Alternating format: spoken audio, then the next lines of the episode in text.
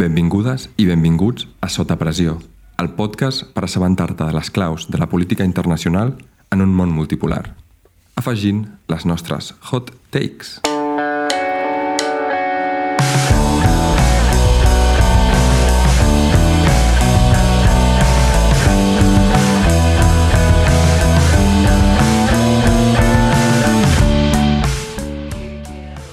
Jo sóc en Joan i tornem una setmana més amb un programa supercanònic, més històric que mai. Jo espero que, que ho trobeu interessant perquè últimament ens estem basant molt en la mateixa regió geogràfica, però és que si no tenim convidats hem de treure-li profit de lo que sabem.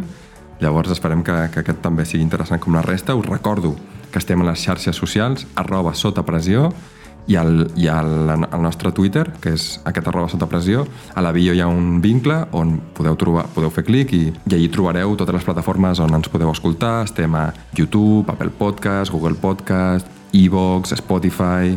Ens podeu escoltar per allà, deixar-nos comentaris per allà. Si us agrada el programa podeu deixar 5 estrelles o la forma de rating que tingui a la plataforma en qüestió. I feta ja aquesta introducció, a tota velocitat, avui, avui m'enduc el rècord, Passem a presentar els nostres eh, els col·laboradors d'aquest programa. Per aquí tenim l'Alberto. Què tal, Alberto? Bona vesprada, Joan. Molt bé, molt bé. Què et sembla la velocitat amb la que he arrencat avui? Molt bé, molt bé. Eh, millorable, com, però tot és millorable a la vida. Ostres, millorable, diu el tio. Bueno, bueno. Escolta, que bueno, avui estem gravant pel matí, m'acabo de prendre un cafè i estic a tope. També tinc per aquí en, en Calp. Què tal, Calp? Molt bé, bon dia, què tal? Com esteu? Molt bé, molt bé, molt bé. Avui us sorprendreu de que no haguem fet la, la pregunta xorra cada dia, però és que ja, com que m'he quedat sense idees, avui tinc una proposta que és, pregunt... que és com, bueno, que parlem dos minutets de com ens organitzem i com fem el podcast i com el gravem i quines tasques té cadascú i tal i qual. Llavors, si vols, Alberto, comentar una mica què, què fas tu, com, com t'organitzes, com t'ho prepares... Bé, eh, quan és un tema que coneixem, com és el cas avui, eh, doncs una mica repassar fons, repassar dades que siguin més con concretes. Eh, si és un tema que desconec, doncs normalment em refereixo a fons, és a dir, normalment en una setmana pots llegir un llibre o una cosa així, eh, i no fer tant un repackaging, sinó fer un creuament de les dades que consideres interessants. I això al transcurs d'una setmana es pot fer bastant bé la veritat, i llavors les meves intervencions i, i tal que siguin eh, d'un valor afegit, diguem. Uh, I més o menys és així com ho fem. Temes que desconec, bastanta, bastanta cerca, bastanta creuament de dades, temes que, temes que conec més, sé més el que vull parlar i llavors és més eh, concentrat en, en aquests sectors. I llavors també ets l'artífice de la majoria de tuits que veiem al, al sota pressió, no? al, al Twitter. Sí, sí, sí. Uh, per la cerca de, de la informació de, eh, dels fils de Twitter, normalment uh, es fa una tria a priori d'algunes coses que sento que vull eh, expressar al fil, però després, quan hem acabat el podcast, com que hem parlat d'algunes coses o no hem parlat d'algunes, eh, intento que el fil sigui més o menys complementari i llavors al fil sempre veureu coses diferents de les que parlem, però sempre en concordància amb el podcast. Al, al fil d'aquesta setmana haurem de veure mapes, jo crec, eh? Sí, sí, jo crec que bastants, bastants mapes. I tu, Calp, què? Què ens pots explicar? Doncs, quan, quan proposem una idea, tenim un, un, un word fet, no? Trello, Sí. On tenim els temes posats i posats de cada setmana i mirem quin tema ens toca i com jo començo a cercar sobre el tema i sobretot com no sóc a mi em costa la lectura començo a llegir abstractes, articles bueno, dic lectura quan que a mi em costa llegir un llibre sencer i em proposo a mirar abstractes i de, dels llibres i de, després documentals i en YouTube o, o algun podcast de, de, del, de la, del, del tema original per un expert i, i així vaig buscant la informació. I de fet, el font principal són podcasts d'altres persones i, i els vídeos. Jo també estic una mica amb, amb la teva línia, Calp. Jo també tiro molt de, de conferències d'especialistes i, i coses així. Ah, bueno, jo a part d'això també sóc el que edita el podcast i s'encarrega de que soni més o menys bé i de que tingui la qualitat que ha de tenir i de, de si ens enrotllem, doncs posar la tisora i tot això. Què us sembla? Comencem ja amb, amb el tema d'avui? Dale, dale. Endavant. Avui hem preparat una, una introducció que, que l'Alberto cataloga digna de pel·lícula d'acció, no? Sí, sí, sí, vinga. I tinc ganes. I és que existeix una regió que des del 1947 està en conflicte entre tres potències nuclears que involucren el 40% de la població mundial. Es tracta de la regió del Kashmir, que us, per situar-vos eh, geogràficament, té més o menys l'extensió de, de l'illa Gran de Gran Bretanya i té 7 milions d'habitants, dels quals el 90% són musulmans. I fa frontera amb, amb la Xina amb la Índia i amb Pakistan. Llavors, aquest conflicte que es remunta a, uns quants, a, un, a unes quantes dècades enrere començaria amb, amb la, la partició de l'Industan, que és la, la regió que coneixem com Índia, Pakistan i Bangladesh. El 1947 encara formava part de l'imperi britànic i es va fer aquesta divisió una mica arbitrària Llavors, si us sembla, començant, començant per aquí, no? per aquesta divisió i per aquesta independència d'aquestes regions, no? Eh, si, no sé, per exemple, tu, Calp, ens podries parlar una mica de, de, com, de com arrenca aquest conflicte?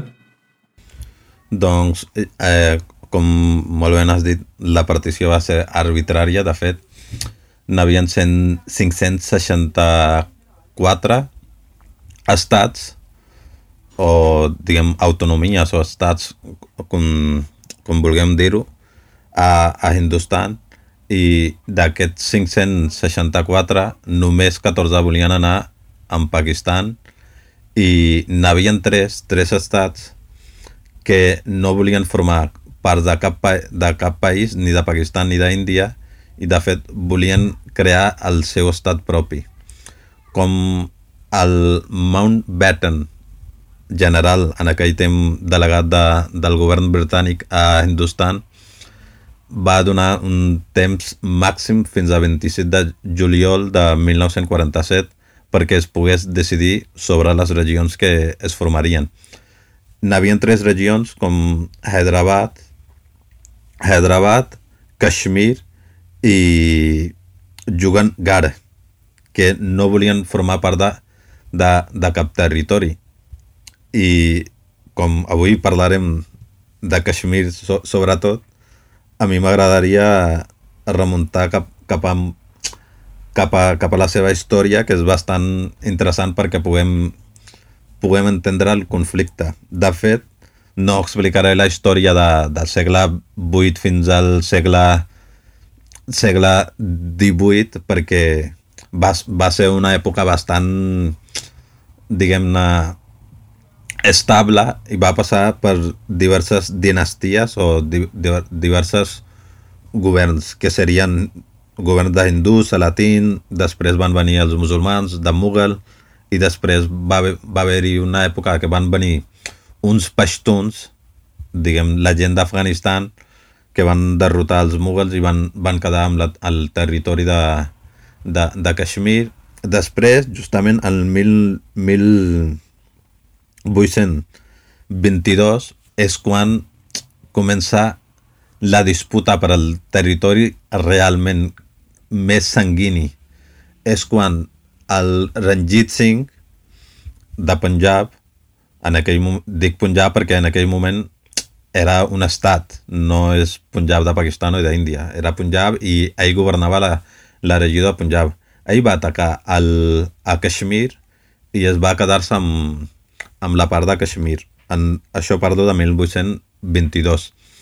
I va estar governant durant uns 15 anys i així, i després es va morir el Ranjit Singh i va venir el Gulab Singh. Què va passar? Exactament, per entendre el conflicte hem d'entendre sobretot el punt aquest. El Gulab Singh el que va fer és va negociar amb els anglesos sobre la, la regió de Kashmir. Us semblarà una bogeria, perquè els britànics van vendre per 75.000 lliures la regió de Kashmir. Això va suposar un desastre total per part dels britànics, perquè el Gulab Singh es va quedar amb tota la regió de Kashmir i per posar-se posar en una miqueta de context, el 70%, 75% de la de l'economia de Kashmir depenia d'agricultura. I com ja podeu intuir que els, el, el Gulab Singh, el governador o el, el propietari ja del país, millor dit, es va fer-se amb les terres al·legant que els britànics li havien venut tot el, tot el país i què va passar? Es va quedar amb totes les terres i com era un... Era, no era musulmà, es va pressionar a molta gent musulmana i es va posar uns impostos elevats a les terres que ja eren, ja eren propietats dels pagesos van deixar d'un moment per l'altre deixar de ser propietats i va, va posar impostos als, als pagesos i així va ser un desastre absolut per als pagesos perquè molta gent es va suïcidar en aquell moment o van ser directament esclaus del, del Gulab Singh perquè no, no, podien, no podien pagar els impostos elevats en, en aquell moment.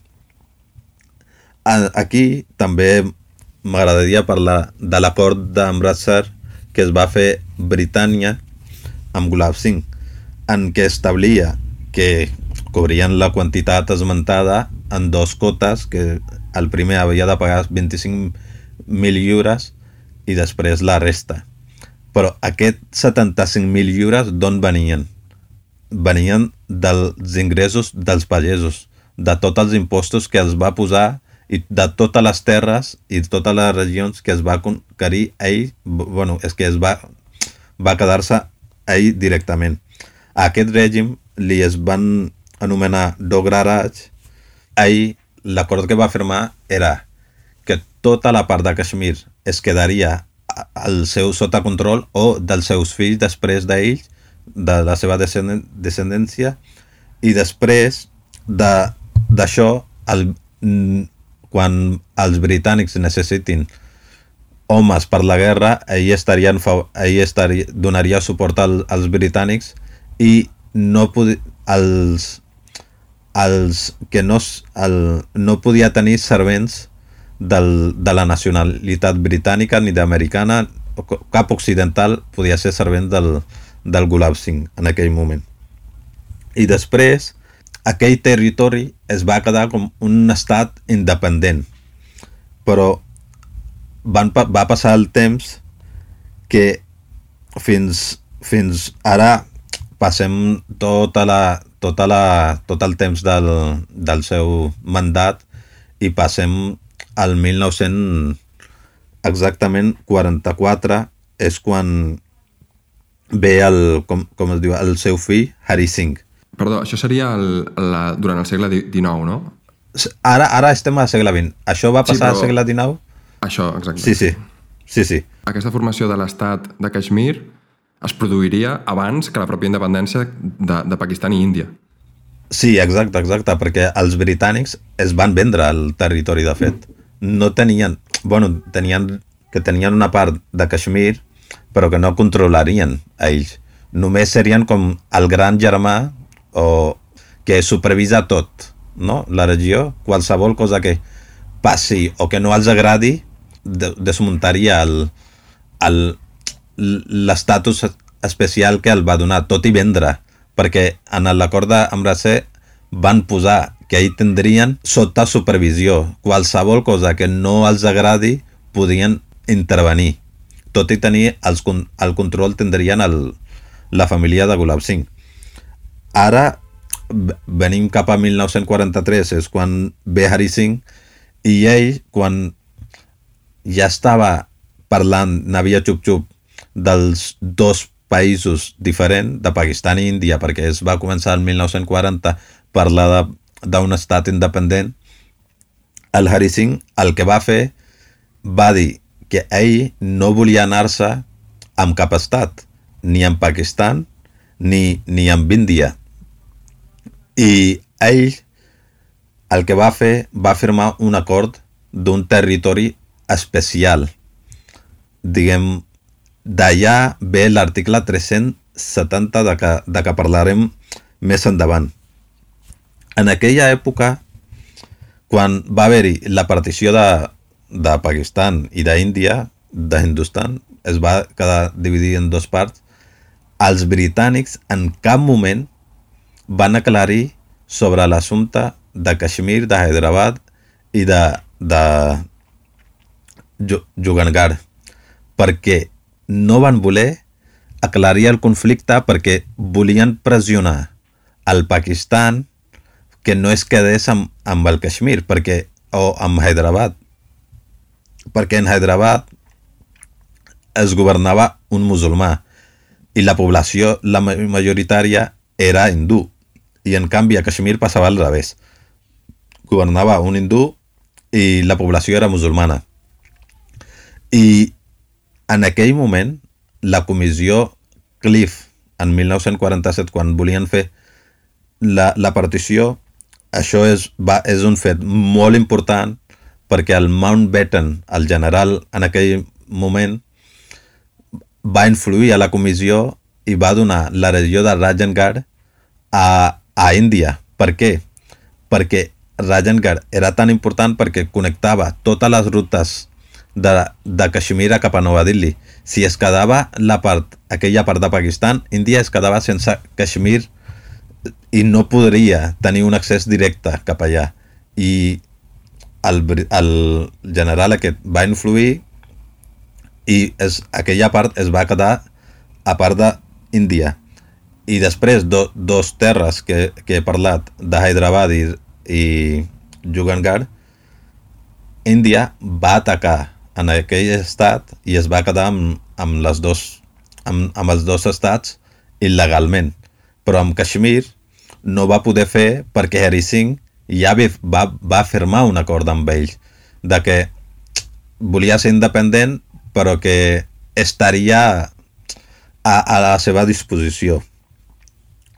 I per, per no enrotllar massa, al 1947 va haver-hi un atac per part de, de Pashtuns, que eren de, de la part d'Afganistan. N'eren 20.000 20 Pashtuns que van atacar a, a Kashmir perquè ells pensaven que el, els kashmiris o la part musulmana de Kashmir estava patint als mans de Hari Singh i dels, dels indis.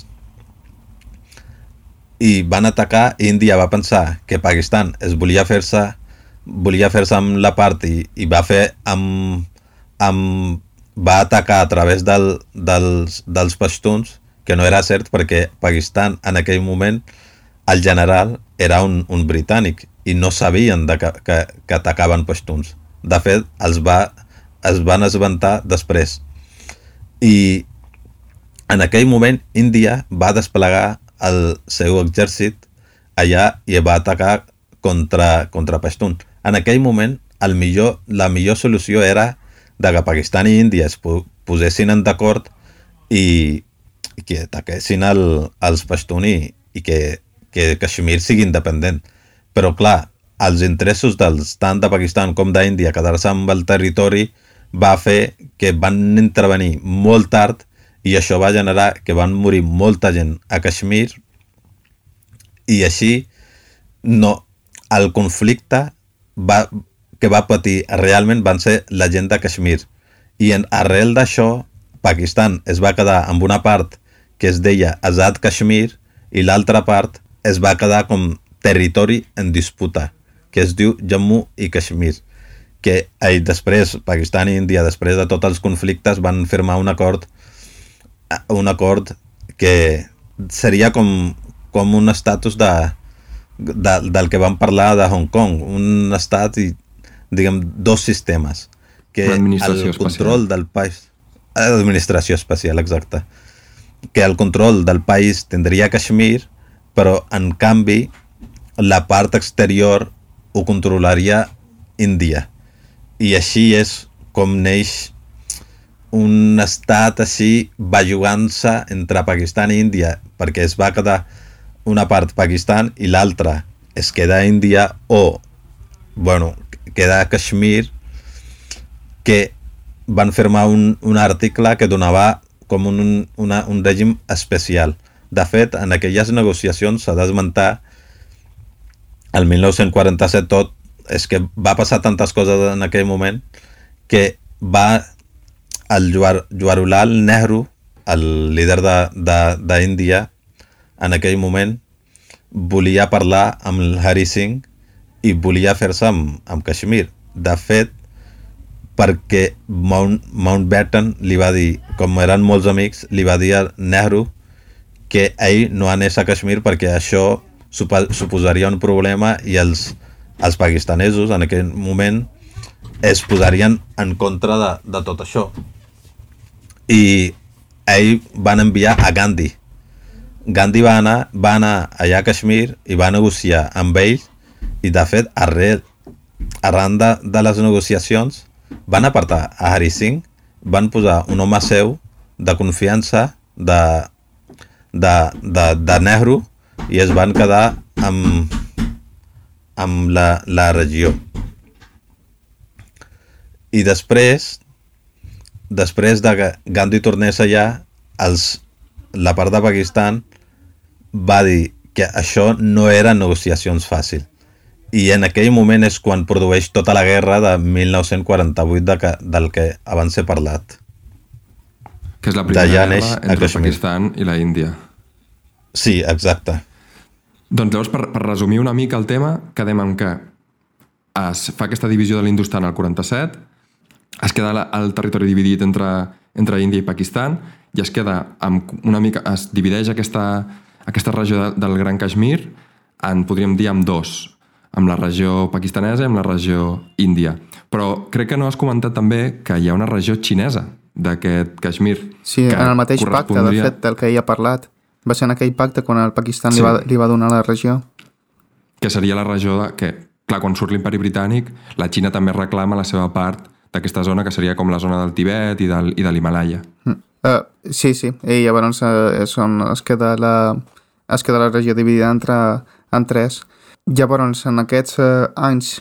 Eh... Espera, perdó, perdó. Oh, es queda dividida, però no amb fronteres, sinó amb línies de control, que són una espècie de línies de punts no?, en el mapa, que, que són les zones que, divide, que divide, posen el límit fins on poden arribar les tropes de cadascun dels països i que són línies temporals, que divideixen els països de forma temporal, mentre es negocia un encaix Eh, real d'aquestes zones. Sí, es parla de la serralada aquesta, no? que es, es veuen des d'una una perspectiva de satèl·lit com a dits, no? i llavors es diu del dit mm -hmm. 3 fins al dit 9 que cap dels dos bàndols pot entrar. I llavors això en l'any 62 va ser on van tenir un problema la, entre la Xina i la Índia, que de fet no es mig resoldria fins que la, el Pakistan li va cedir aquest territori a la Xina i llavors es va aturar el foc en aquest 62 on literalment està el conflicte més violent que, que, que ha viscut aquesta zona, que és un, una espècie de guerra entre la Xina i la Índia. És una, una guerra, una guerra. Una guerra, una guerra, sí. De fet, la Índia perd de forma catastròfica, amb més de 3.000 baixes, i la Xina crec que es queda al voltant d'unes 800. Sí, sí, la, va ser curiós. Eh, això també ens ajuda una mica a entendre. Jo quan vaig llegir sobre això eh, fa temps eh, em va ajudar una mica a entendre com funciona l'aparatus xinès. Es van donar les dades sobre els morts d'aquestes trifulques com als anys 80 o 90 fins i tot, em sembla, i de l'estil d'una nota, de, una nota del Ministeri de Defensa uh, una mica curta i llavors això també ens ajuda una mica a entendre com uh, molts cops funcionen les dades a la Xina o com, com ho tracten. Jo crec que també això va ajudar molt a que no es, uh, no es, no es polaritzés la població en el sentit de que es volgués guerra, perquè en aquell moment eh, la Xina hagués, va tenir molts conflictes, eh, no? recordem la guerra de Corea, just també sortien de la guerra civil, de la Segona Guerra Mundial, i eh, volien també una mica parts del Partit Comunista, no? com que volien aturar-ho. Sí, correcte, correcte. Però per què és tan important aquesta regió del Kashmir? Per què hi ha tres països que tenen interessos sobre aquesta regió? Segons la millor font que em ve al cap, que és la pel·lícula de Mission Impossible del 2018, que, que de fet per això conec jo, la, o sigui, em vaig adonar que existia aquest lloc, perquè succeeix al Kashmir. Eh, és una font d'aigua per a tots tres. Llavors, eh, tenir el control d'aquesta afluència és més o menys tenir control sobre el, els altres dos. I llavors per això hi ha bastanta competència per als seus recursos. Bé, ja, bueno, part de la, del naixement d'aquests rius que irriguen gran part dels tres països en conflicte, també el petroli, el petroli, el gas i els minerals de l'Àsia central, que si no estan directament allí, han de passar per allà per oleoductes, gasoductes, etc. És a dir, la comunicació entre l'Àsia central i la Índia i Pakistan i a part, i aquí l'interès que té el, la, la Xina en aquesta zona ve pel, pel seu Belt and Road Initiative, que estaria comunicant la, la zona de Xinjiang, que està al nord-oest de, de la Xina i que seria la zona musulmana, la comunica amb, amb el Pakistan. I si la, si la Índia pren més control d'aquest Kashmir, podria, o, o sigui, podria ella tenir aquesta línia directa amb, el, amb aquesta zona de, de Xinjiang, que és una zona conflictiva per la Xina. És a, és a dir, la Xina i Pakistan estan construint molta infraestructura per realitzar aquesta comunicació, no? per connectar aquest nord-oest de la Xina amb el Pakistan, que passaria per aquest Kashmir, i si la Índia guanyés posicionament militar en aquella zona, tindria una línia directa cap a aquest Xinjiang i podria servir com a influència per desestabilitzar aquesta zona de la, de la Xina. Clara, realment l'única potència que té interessos en aquesta zona i que violaria el tractat que va firmar Gandhi a Simla, si no m'equivoco, que impedia que cap, de, cap potència estrangera s'involucrés en aquest conflicte que havia de mantenir-se bilateral entre la Índia i Pakistan, doncs és, ara, ara mateix els Estats Units són els únics que tenen aquest interès. És a dir, que estem parlant d'una zona per la que que té l'aigua que irriga tres països. Té eh, les vies per les que han de passar els minerals, el petroli i el gas, i estem parlant d'una zona de, de, de geoestratègica importantíssima perquè és la que comunica al sud de l'Àsia amb el centre i el nord de l'Àsia. I no oblidem que n'hi ha un projecte entre Pakistan i Xina que es diu Corredor Econòmic entre Xina i Pakistan, que està a la marxa, que ha de passar per allà. I que allà mateix estan havent-hi un munt d'atacs terroristes, precisament. Sí, Exacte. sí, sí. És, de fet, aquell territori del, del que parlem, de Gilgit i Balstastan, va ser declarat zona de guerra en, en 2008 quan va haver-hi una operació per part de Pakistan perquè molts, molta gent d'Al-Qaeda i n'havia un, una altra organització terrorista es van quedar allà i es van fer amb tota la regió i de fet van aplicar tota una, una, una llei inventada per ells de, de xària i no permetien anar a les nenes a les escoles i ho controlaven tot. I va, va haver-hi una operació en 2008 que van, van, van, van, van fer fora i van, van matar els, tots els terroristes en aquella zona. Diguem que aquella zona sempre ha tingut un, un interès per part de les, de les potències mundials. De fet, sí, sí. i n'hi ha historiadors que deien que aquell grup terroristes rebien suport de, per part d'Índia i d'Estats de, Units. Sí, però, eh, però és això, amb els atacs terroristes mai, mai se sap qui, qui hi ha darrere. Però clar, tindria sentit, perquè la Índia, a part d'això, és que si, si Pakistan o la Xina recuperen més part d'aquesta zona, la Índia es quedaria aïllada de, del, del nord i del centre d'Àsia. Llavors la Índia, clar, tindria por de no puc sortir d'aquí, no? I a part, és, també és que la Xina té accés a través d'aquesta via per Kashmir i Pakistan cap al mar Aràbic. Llavors, ah Clar, clarament hi ha moltíssims interessos aquí. Exacte. Eh, el que dius és molt important perquè abans hem, di, hem dit que la zona de Rajangar, que quan va, van fer la partició, es va quedar a la part d'Índia només per arribar a Kashmir. Si tota aquella zona ara controla Pakistan o Xina, quin sentit tindria tenir aquella zona per estalviar tota la infraestructura amb Nova Delhi i arribar a Kashmir? Per això és tan important per en aquell moment era Rajan Gar per arribar a Kashmir i ara és tenir control al, al territori. Però una mica, tornem a Kashmir, a Kashmir i durant aquests anys, eh, diguem, de, on la Índia té aquesta administració de, del Kashmir, començaran a sortir conflictes, conflictes també basats en terrorisme i que eh, tindrem eh, com es diu, molts atacs eh, tant a civils com a eh, estrangers, no? s'arriba a matar la vicecanceller de la Universitat de Kashmir, eh, segresten eh, turistes, segresten treballadors estrangers, no? fins i tot europeus, eh, i hi ha aquesta incursió de eh, habitants de Kashmir que se'n van a, a l'Afganistan i a Pakistan per tenir eh, això, eh, entrenament eh, gairebé pseudomilitar i per fer moltes incursions eh, desestabilitzadores a la regió. Això, diguem, va acabar en els... No, no va acabar, però va fer que l'any 90 es passessin una sèrie de lleis per part del govern de, uh, de Nova Delhi per, perquè es pogués disparar, o sigui, se'ls se ha donat un, uns poders a l'administració pública molt grans de que es poden fer uns abusos, eh, vaja, que han comportat molts abusos. Es pot disparar amb armes de foc als manifestants, es pot gairebé torturar sense que hi hagi investigacions i llavors eh, això ha fet que el conflicte, de fet, escalés encara més. O sigui, ja era greu, eh, estem parlant de eh, sobretot eh, això, que hi havia segrestaments, hi havia atacs, etc. I després bueno, es va començar el que es, es podria anomenar, de fet, terrorisme a l'Estat per part de l'Estat i un conflicte continu. Uh, Això també va fer que, que creixessin molt els moviments secessionistes dintre del Kashmir, que es creessin una espècie de milícies pro, pro secessionistes, no?, que buscaven la independència del Kashmir, mm i, i en part, jo l'altre dia vaig estar veient la història d'un noi que, es, que en 19 anys es va, es va, va, fer, va fer un atemptat suïcida amb bomba que, que el noi havia sigut... La història del noi era, era molt trista perquè l'havien detingut, l'havien havien humillat, humillat, l'havien tirat al terra els soldats eh, indis de, de molt petitó, després a una manifestació l'havien disparat a la cama wow. i després al final es va, es va enrolar en una d'aquestes milícies i es va suïcidar als 19 anys amb un atac bomba. Vull dir que la situació de la, les persones que viuen allí és d'una pressió extrema.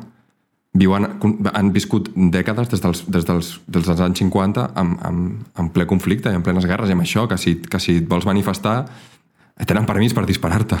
Sí, sí, sí. És, és que ho diem, mig riem, però és que és, és molt brutal. I això que dius de les uh, milícies secessionistes, també hi ha, com també ha comentat en Calp, no? òbviament per aquesta història, hi ha molt d'aquest sentiment secessionista. I cercarem per mm. posar al fil les fotos de com es va agafar un dels, un dels ajuntaments i es va eh, posar la bandera del Pakistan i la bandera eh, aquesta musulmana no? que es va servir de fons verd amb la lluna blanca eh, a l'Ajuntament. O sigui, hi ha molt de sentiment també de la població en aquest sentit. S'han fet enquestes per veure com està una mica el sentiment eh, i, i de fet, eh, els, dels darrers 10 anys no me'n refiaria gaire perquè hi ha molta... Hi ha, hi ha un altre factor que de, també parlarem, però primer, les preguntes són molt tendencioses, rotllo, vols viure en un Kashmir sense influència del Pakistan? Eh, doncs, eh, home, doncs, si ets independentista, doncs votaràs eh, que no, no? Perquè vols ser independentista, però llavors et compten com eh, estic d'acord amb l'administració actual que hi ha del Kashmir. Però més o menys les dades de, de les enquestes del 2010 hi ha un sentiment majoritari, però majoritari per sota del 50%, de uh, pro-independència i després hi ha una part no alineada i una part que sí que vol estar dins del Pakistan o dins de la Índia. També cal dir que aquí tant el Pakistan com, com la Índia tenen ingerència no, en aquesta zona i llavors el, els indis diuen que aquestes milícies, aquests, aquestes milícies independentistes estan recolzades pel Pakistan a través de la radicalització del, de la població per la religió i pel fonamentalisme islàmic i tal i qual, no? Que que, bueno, no... O sigui, amb el terrorisme mai se sap qui, qui hi ha darrere, en realitat, no? Perquè ning, ningú firma, no? Ni la Índia ni Pakistan firmen els atacs terroristes, però, però hi ha una mica de disputa en aquest sentit, que no se sap d'on ve la influència de cadascun d'aquests d'aquestes eh, milícies terroristes o in, proindependentistes. Sí, costa molt, i, i potser algun dia hauríem de fer-ho, d'un programa d'això, de l'entanglement, no, que hi ha d'aquestes milícies, perquè de sobte veus armes americanes en una milícia de l'oest de l'Afganistan, que no té cap sentit. Però, sí, però les armes no creixen tampoc a, uns, eh, a un arbre, vaja, jo no n'he vist cap. Però, tot i així, continuem una mica i arribem al punt actual, que és que va haver-hi un nou jugador que ja se sentia ja, des de fa ben bé un segle, que és que el BGP arriba al poder per si, per si no que sapigueu què és el BGP, és el Bharatiya Janata Party, que és un partit indubita de la, la Índia, ja n'hem parlat en algun programa, sobretot a les protestes de la Índia. Bé, és el, és el partit del Modi, sí, no? Sí, és el partit de, de l'actual primer doncs, ministre. Et tallo un segon aquí, Alberto, i deixem així una mica el cliffhanger. Ok. Perquè jo vull, abans d'arribar al punt aquest, que, que és superimportant i, i és evident que és el, el que dona l'espurna dels conflictes més, més recents.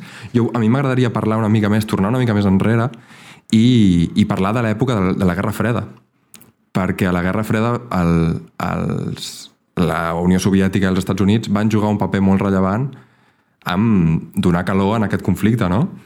Clar, en aquell moment, en el, el, durant, durant la Guerra Freda, el Pakistan estava molt més alineat amb els Estats Units i la Índia estava molt més alineada amb la Unió Soviètica. Clar, llavors el, el 91 que es produeix aquesta espècie de, de primavera Kashmir, el, la, la Unió Soviètica ja havia desaparegut, el bloc soviètic ja no existia, llavors la Índia tenia moltes més dificultats de fer negocis i de, i de mantenir un mercat exterior perquè ja no tenia els agents amb els que, amb els que feia aquestes, aquesta, aquest trading, no? I clar, és en aquell moment, jo crec, encara abans de que arribés aquest, el partit del Modi al poder, on la Índia comença a agafar un caire una mica anti-islàmic o islamofòbic i es comença a alinear molt més amb els Estats Units, buscar els Estats Units com a aliat i ja quan arriba l'11 de setembre amb, amb l'atemptat al World Trade Center ja s'acaba d'afiançar aquesta amistat entre la Índia i Washington. Però clar, en aquest mateix temps, quan la Índia perdia a, a aquestes relacions amb el bloc soviètic i guanyava les noves relacions amb els Estats Units, al mateix temps el Pakistan estava consolidant les seves relacions amb la Xina. Sí, uh, de fet molt interessant això que has explicat de la Guerra Freda, que uh, molta gent no ho sap, que la Índia i la Unió Soviètica eren, uh, eren uh, com es diu, aliats de tractat, sí. no? el tractat uh, uh -huh. d'amistat uh, soviètico-indi, que de fet uh, s'ha mig uh, rellançat amb el russo-indi. mm -hmm. Però bé, sí, llavors sí que portava molt de temps la Índia eh, tenint aquest eh, moviment eh, hinduvita, que bàsicament vol dir la Índia és un lloc de religió hindú. Bueno, de fet, de, set, de fet el país no es considera... O sigui, la, la Constitució no es diu que sigui un país hindú, es diu que és un país... En, en anglès es diu secular, no em surt amb... Sí, secular, em sembla. Eh, secular, es pot dir, ok, sí. Sí, i sense llengua oficial. Però el mm -hmm. moviment hinduvita sí que diu volem una llengua, no? volem l'hindú, i volem una religió, no? que és la religió hindú.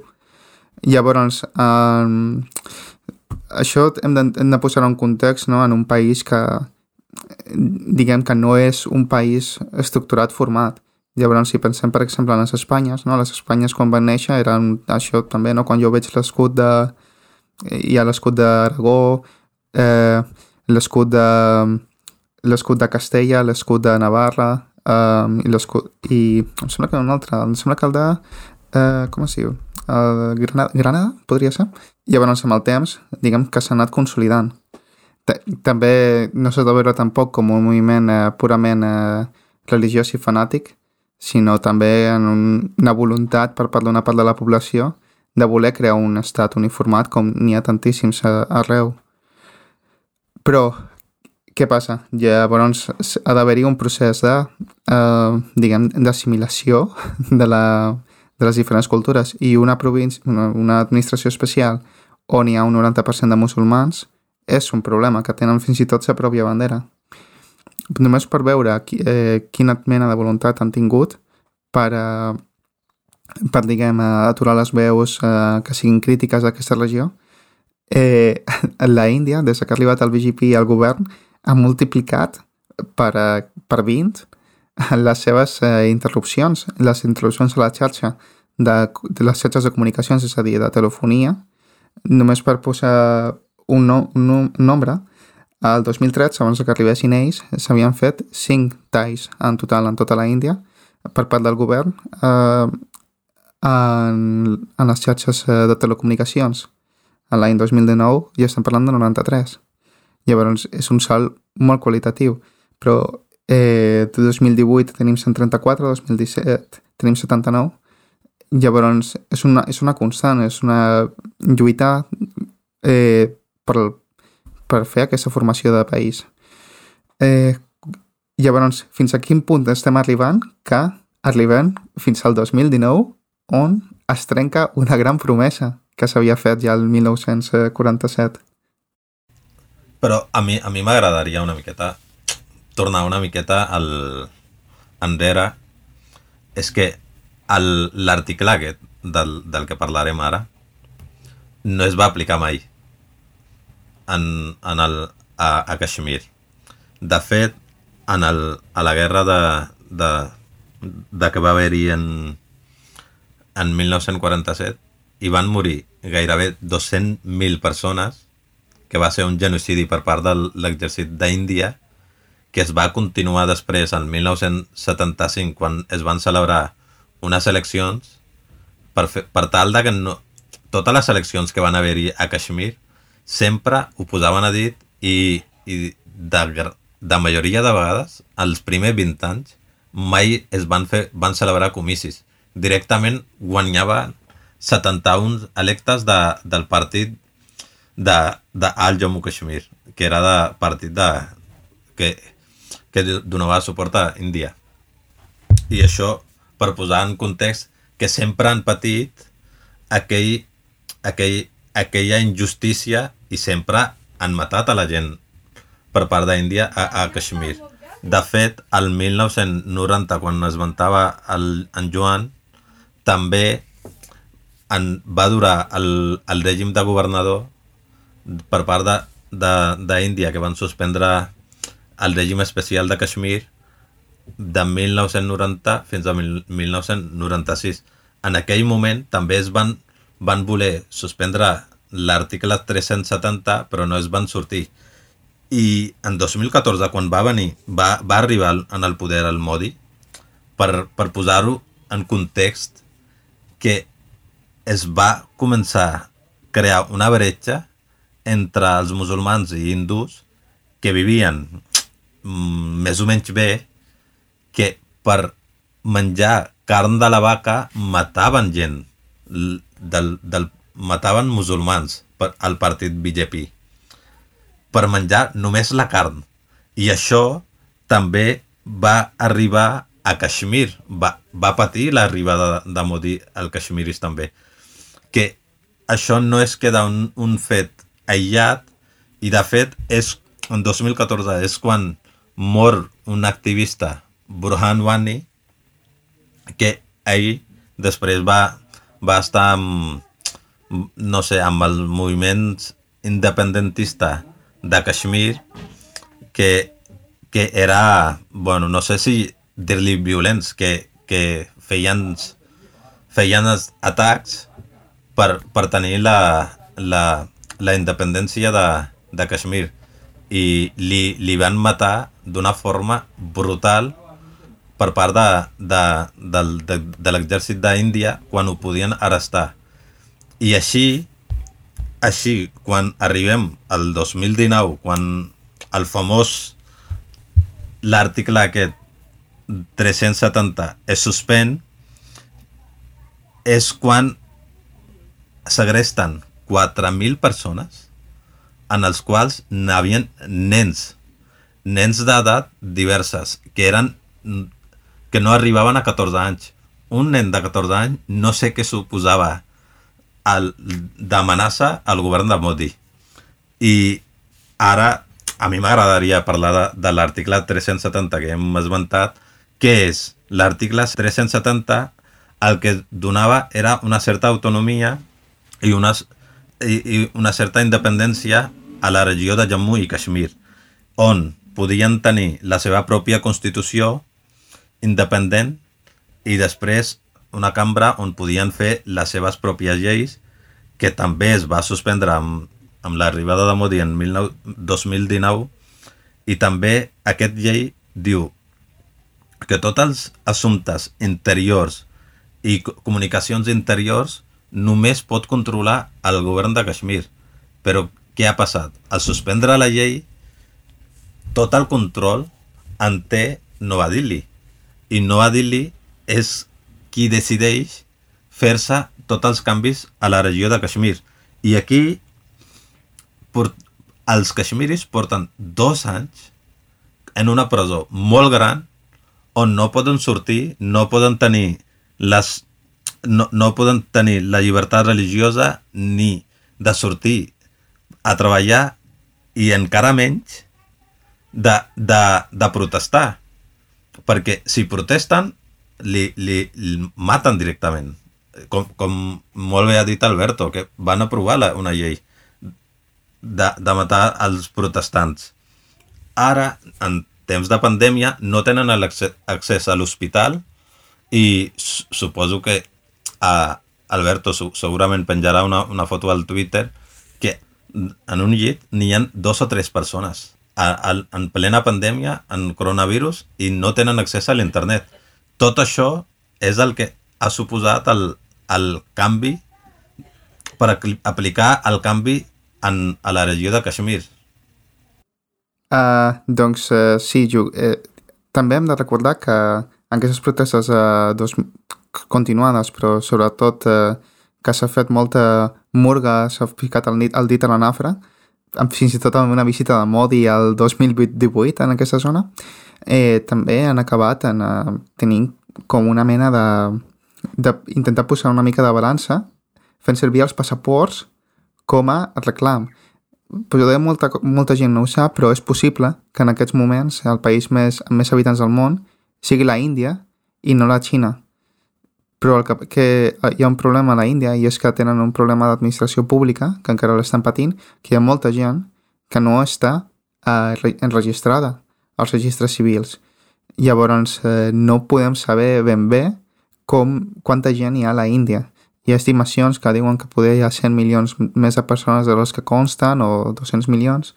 Llavors, en aquesta zona, que és especialment eh, poblada per musulmans, és molt llaminer per part de la Índia dir, ok, ets musulmà, no tens el passaport, no ets indi. Llavors t'has d'anar a buscar al teu país, sigui el que sigui. I així una mica aconsegueixen que aquest 90% de musulmans la seva població baixi i, i llavors també ho estan intentant, no? com estan fent programes per a que aquests policies que en el seu moment van endur o cap a aquesta zona es puguin treure, es puguin portar la família i que hi ha una cosa que, que volta però que en algun moment ho haurem d'explicar, no? que és una cosa molt òbvia, però és que si hi ha una regió que vol una independència, si aquesta regió no té una majoria eh, que vulgui aquesta independència i les èlits econòmiques no la vulguin, doncs llavors no, no, no, no, no esdevindrà. Llavors es vol una mica això que les èlits econòmiques, èlits polítiques i població de la Índia, de, sorry, de Kashmir, uh, siguin hindús. Exacte, el, el, el que dius està, és, és que és molt interessant perquè no sé si hem deixat, el 1957 es van, van arribar a un acord amb, amb, amb, amb ONU Índia, Pakistan i, i Kashmir que farien un plebiscit on es, es podrien decidir els, els kashmiris si volien fer formar la part de Pakistan o d'Índia o quedar-se com un, un estat propi. Però com ell es va celebrar. Per què? Perquè n'havien, la gran majoria era musulmana i arrel d'això és, és, és el que dius, ve la suspensió d'article perquè així poden tenir...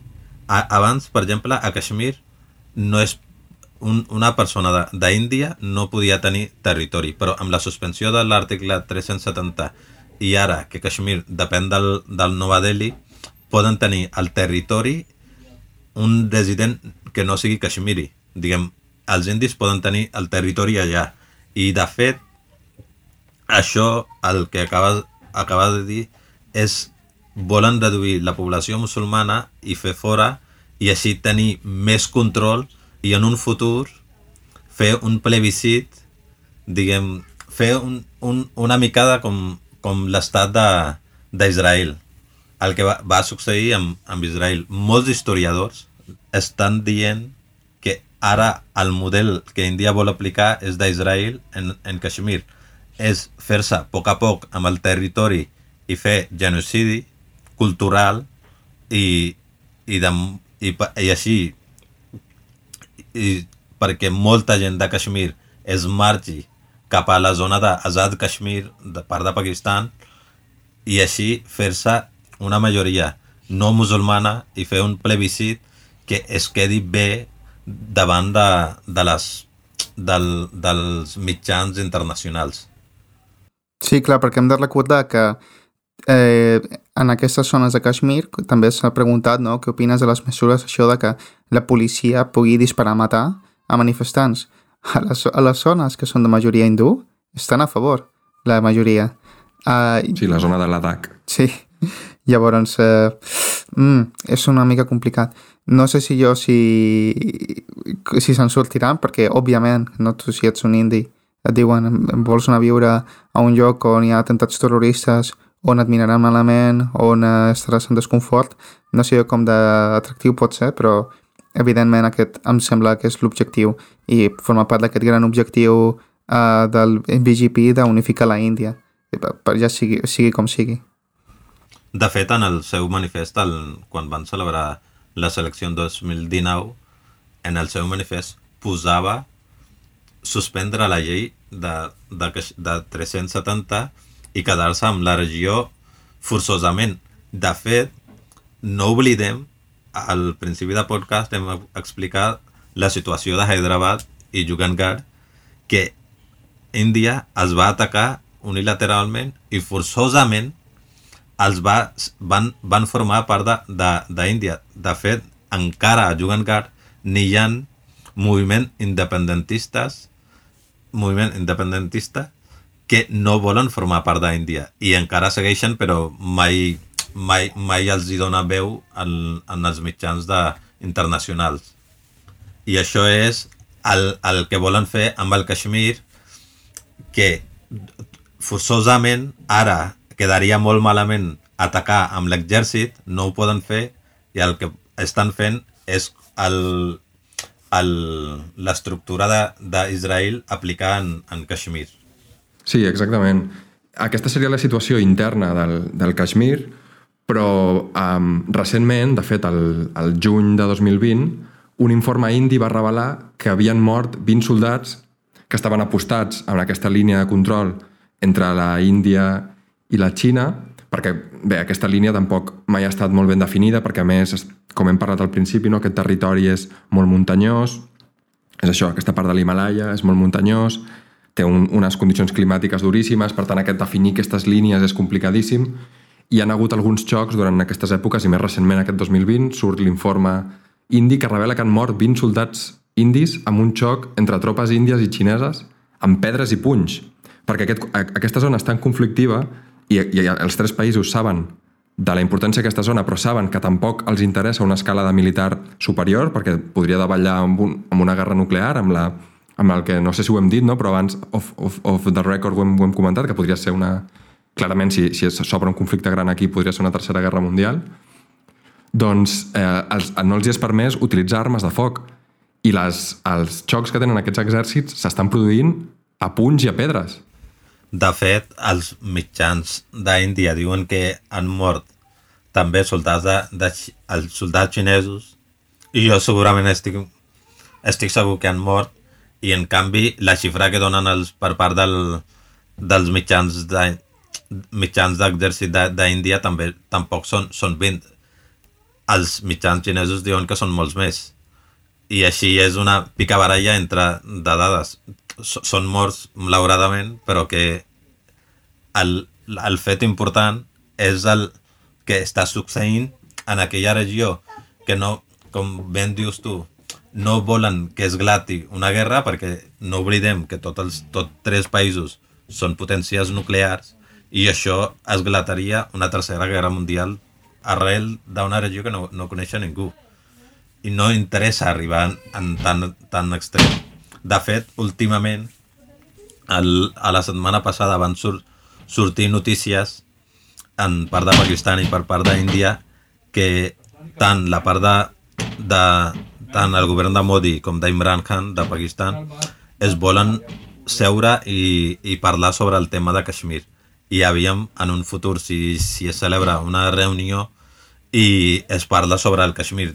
Una postura que tenen els, els d'Índia és no donar-se no, no ara no no aplicar un altre cop l'article 370 perquè els ha costat molt i Pakistan vol que s'apliqui la llei 370 i aviam on arriben les negociacions i com, com s'afronten.